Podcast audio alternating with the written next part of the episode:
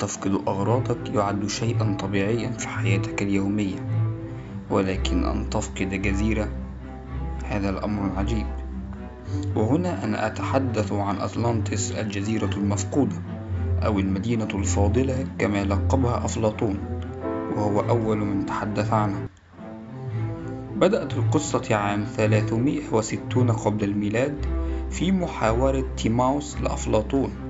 وهو أول من تحدث عن هذه المدينة المفقودة. وتيموس هنا هي محاورة تناول فيها عدة مواضيع عن الطبيعة ونشأة الكون بالمشاركة مع سقراط وكريستياس وفلاسفة آخرين. حيث يقول أفلاطون أن جده طولون حدثه عن رحلته إلى مصر عن القارة الأطلسية التي حكمت العالم. وجاء وصف أفلاطون أنها مدينة تحيط بها أبنية دائرية مصنوعة من الطين والماء ويوجد بها معبد يسمى بالمعبد الفضي وهو معبد لبوسايدون وهو إله البحر والعواصف عند الإغريق وأحد آلهة الأوليمب الاثنى عشر. أما عن موقعها فهو مجهول حتى يومنا هذا ولكن التكهنات لا تزال قائمة.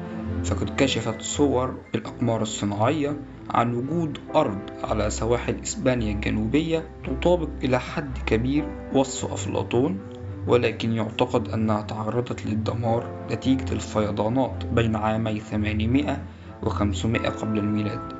ولم تتوقف التخمينات عند هذا الحد فالخرائط التي درسها البحار الشهير ومكتشف الأمريكتين كريستوفر كولومبوس كانت تحتوي على جزيرة في منتصف المحيط الأطلسي لم يعد لها وجود في يومنا هذا.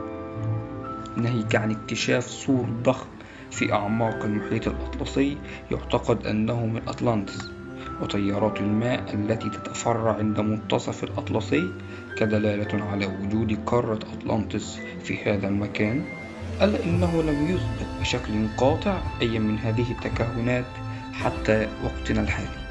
لكن في عام 1871 من الميلاد أريدت شعلة الأمل للعلماء والباحثين المهتمين بأمر هذه المدينة المفقودة بعد اكتشاف مدينة طروادة التاريخية. بواسطة عالم الآثار الألماني هنريك شيل والتي أعادت إحياء الأمال لإيجاد هذه المدينة الضائعة.